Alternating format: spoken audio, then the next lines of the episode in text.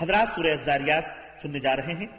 اکیاون نمبر کی یہ سورت مکی ہے، اس میں ساٹھ آیتیں اور تین رکو ہیں۔ پہلی آیت کا پہلا کلمہ وزاریات ہے، یہی اس کا نام رکھ دیا گیا ہے۔ قرطبی نے لکھا ہے کہ تمام علماء تفسیر کے نزدیک اس کا زمانہ المکی دور ہے۔ ابن عباس بن زبیر رضی اللہ تعالیٰ عنہ سے یہی مروی ہے۔ تو لیجیے سوال فرمائیے سورہ الزاریات۔ بسم اللہ الرحمن الرحیم۔ اللہ کے نام سے شروع جو بڑا مہربان نہایت رحم والا ہے۔ والذاريات ذروا فالحاملات وقرا فالجاريات يسرا فالمقسمات امرا قسم ہے ان ہواؤں کی جو گرد اڑاتی ہیں پھر بوجھ اٹھاتی ہیں پھر آہستہ آہستہ چلتی ہیں پھر کام تقسیم کرتی ہیں۔ إنما توعدون لصادق وإن الدين لواقع. جس کا تم سے وعدہ کیا جاتا ہے وہ سچا ہے اور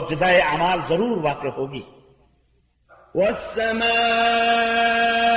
ذات الحبك إنكم لفي قول مختلف يؤفك عنه من أفك قسم ہے راستوں والے آسمان کی یقیناً تم مختلف قسم کی باتیں کرتے ہو جن سے وہی برگشتہ ہوتا ہے جن کا مقدر ہو چکا ہوتا ہے۔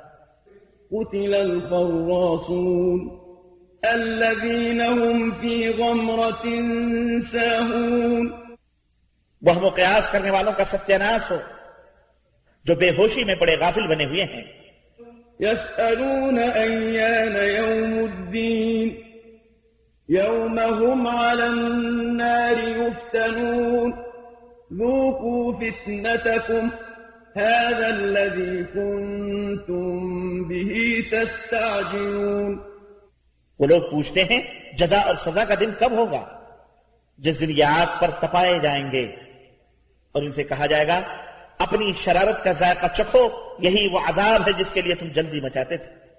ان المتقین فی جنات وعیون یقیناً متقی اس دن باغوں اور چشموں میں ہوں گے۔ آخذین ما آتاهم ربهم انہم كانوا قبل ذلك محسنین جو کچھ ان کا رب انہیں دے گا وہ لے لیں گے۔ وہ اس دن کے آنے سے قبل نیکوکار تھے۔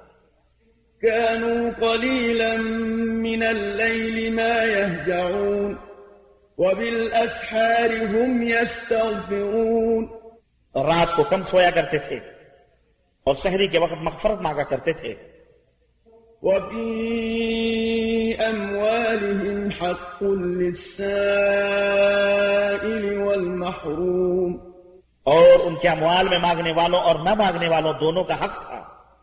وفي الأرض آيات للموقنين وفي أنفسكم أفلا تبصرون اور یقین کرنے والوں کے لیے زمین میں نشانیاں ہیں اور خود تمہارے اپنے اندر بھی پھر کیا تم غور سے نہیں دیکھتے؟ وفي السماء رزقكم وما توعدون اور اے لوگو آسمان میں تمہارا رزق ہے اور وہ بھی جس کا تم سے وعدہ کیا جاتا ہے۔ فورب السماء والأرض إنه لحق مثل ما أنكم تنطقون۔ پس ارض و سماوات کے رب کی قسم یہ حقیقت ہے جیسے تمہارا بولنا ایک حقیقت ہے۔ هل أتاك حديث ضيف إبراهيم المكرمين؟ اے نبی کیا آپ کے پاس ابراہیم کے معزز مہمانوں کی بات بھی پہنچی؟ إذ دخلوا عليه فقالوا سلاما قال سلام قوم منكرون جب وہ ابراہیم کے پاس آئے اور آپ کو سلام کہا انہوں نے سلام کا جواب دیا خیال کیا کہ کچھ اجنبی ہیں۔ فراغ إلى أهله فجاء بعجل سمين پھر چپکے سے اپنے گھر والوں کے پاس گئے اور ایک موٹا بنا ہوا بچڑا لے آئے۔ فقربه إليهم قال ألا تأكلون؟ اور ان کے سامنے پیش کیا پوچھا تم کھاتے کیوں نہیں؟ فأوجس منهم خيفة قالوا لا تخف وبشروه بغلام عليم. پھر ان سے خوف محسوس کیا وہ کہنے لگے ڈرو نہیں۔ پھر ابراہیم کو ایک صاحب علم لڑکے کی بشارت دی۔ فأقبلت امرأته في صرة فصكت وجهها وقالت عجوز عقيم. پھر اس کی بیوی چلاتی ہوئی بڑھی اس نے اپنا منہ پیٹا اور کہنے لگی بڑھیا اور بانچ اور بچہ جنے گی۔ قالوا كذلك قال ربك إنه هو الحكيم العليم. وہ فرشتے کہنے لگے تمہارے رب نے یوں ہی فرمایا ہے وہ بلا شبہ بڑا حکیم اور سب کچھ جاننے والا ہے۔ قال فما خطبكم أيها المرسلون؟ إبراهيم نے ان سے پوچھا اے رسولو تمہارا کیا مقصد ہے؟ قالوا إنا أرسلنا إلى قوم مجرمين. وہ کہنے لگے ہم ایک مجرم قوم کی طرف بھیجے گئے۔ لنرسل عليهم حجارة من طين. تاکہ ان پر مٹی کے پتھر برسائیں۔ مسومة عند ربك للمسرفين جو حد سے بڑھنے والوں کی ہلاکت کے لیے آپ کے رب کے ہاں سے نشان زدہ ہیں۔ فأخرجنا من كان فيها من المؤمنين۔ پھر وہاں جتنے مومن تھے ہم نے انہیں نکال لیا۔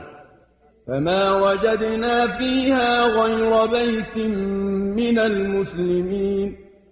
ہم نے وہاں ایک گھر کے سوا کوئی مسلمانوں کا گھر نہ پایا۔ وتركنا فيها آية للذين يخافون العذاب الأليم۔ اور وہاں ان لوگوں کے لیے نشانی چھوڑ دی جو المناک عذاب سے ڈرتے ہیں۔ وفي موسى إذ أرسلناه إلى فرعون بسلطان مبين۔ اور موسا یعنی ان کے واقعے میں بھی نشانی ہے کہ جب ہم نے اسے سریح سند دے کر فرعون کی طرف بھیجا۔ فتولى بركنه وقال ساحر أو مجنون۔ تو فرعون نے اپنی طاقت کے بل سرتابی کی اور کہا کہ یہ ساحر یا مجنون۔ فأخذناه وجنوده فنبذناهم في اليم وهو مليم۔ پھر ہم نے اسے اور اس کے لشکروں کو پکڑ لیا۔ اور سمندر میں پھینک دیا اور وہ تھا ہی قابل ملامت۔ وفي عاد إذ أرسلنا عليهم الريح العقيم۔ اور قصے عاد میں بھی ایک نشانی ہے کہ جب ہم نے ان پر تباہ کن آدھی چھوڑ دی۔ ما تذر من شيء أتت عليه إلا جعلته كالرميم۔ وہ جس پر بھی گزرتی اسے بوسیدہ ہڈی کی طرح چکنا چور کر دیتی۔ وفي ثمود إذ قيل لهم تمتعوا حتى حين. اور سمود میں بھی نشانی ہے۔ جب ان سے کہا گیا کہ ایک خاص وقت تک مزے اڑا لو۔ فعتوا عن أمر ربهم فأخذتهم الصاعقة وهم ينظرون. مگر انہوں نے اپنے رب کے حکم سے سرتابی کی تو ان کے دیکھتے دیکھتے ہی انہیں بجلی کے عذاب نے آ لیا۔ فما استطاعوا من قيام وما كانوا منتصرين. پھر نہ تو ان میں کھڑا ہونے کی سکت رہ گئی اور نہ ہی وہ اپنا بچاؤ کر سکے۔ وقوم نوح من قبل إنهم كانوا قوما فاسقين. اور اس سے پہلے ہم نے قوم نوح کو ہلاک کیا تھا۔ بلا شبہ وہ نافرمان لوگ تھے۔ والسماء بنيناها بأيد وإنا لموسعون. اور آسمان کو ہم نے اپنے ہاتھ سے بنایا اور ہم اسے وسیع کرتے جا رہے ہیں۔ والأرض فرشناها فنعم الماهدون. اور زمین کو ہم نے بچھا دیا اور ہم بڑے اچھے بچھانے والے ہیں۔ ومن كل شيء خلقنا زوجين لعلكم تذكرون. اور ہر چیز کے ہم نے جوڑے پیدا کر دیے شاید تم ان سے سبق حاصل کرو۔ ففروا إلى الله إني لكم منه نذير مبين. بس اللہ کی طرف دوڑ کراؤ میں تمہارے لیے اس کی طرف سے واضح طور پر ڈرانے والا ہوں۔ ولا تجعلوا مع الله إلها آخر إني لكم منه نذير مبين اور اللہ کے ساتھ کوئی دوسرا الہ نہ بناؤ۔ میں اس کی طرف سے تمہیں صاف صاف ڈرا رہا ہوں۔ كذلك ما أتى الذين من قبلهم من رسول إلا قالوا ساحر أو مجنون اسی طرح ان کفار مکہ سے پہلے جو رسول بھی آیا اسے لوگوں نے یہی کہا کہ وہ ساحر ہے یا مجنون ہے۔ أتواصوا به بل هم قوم طاغون۔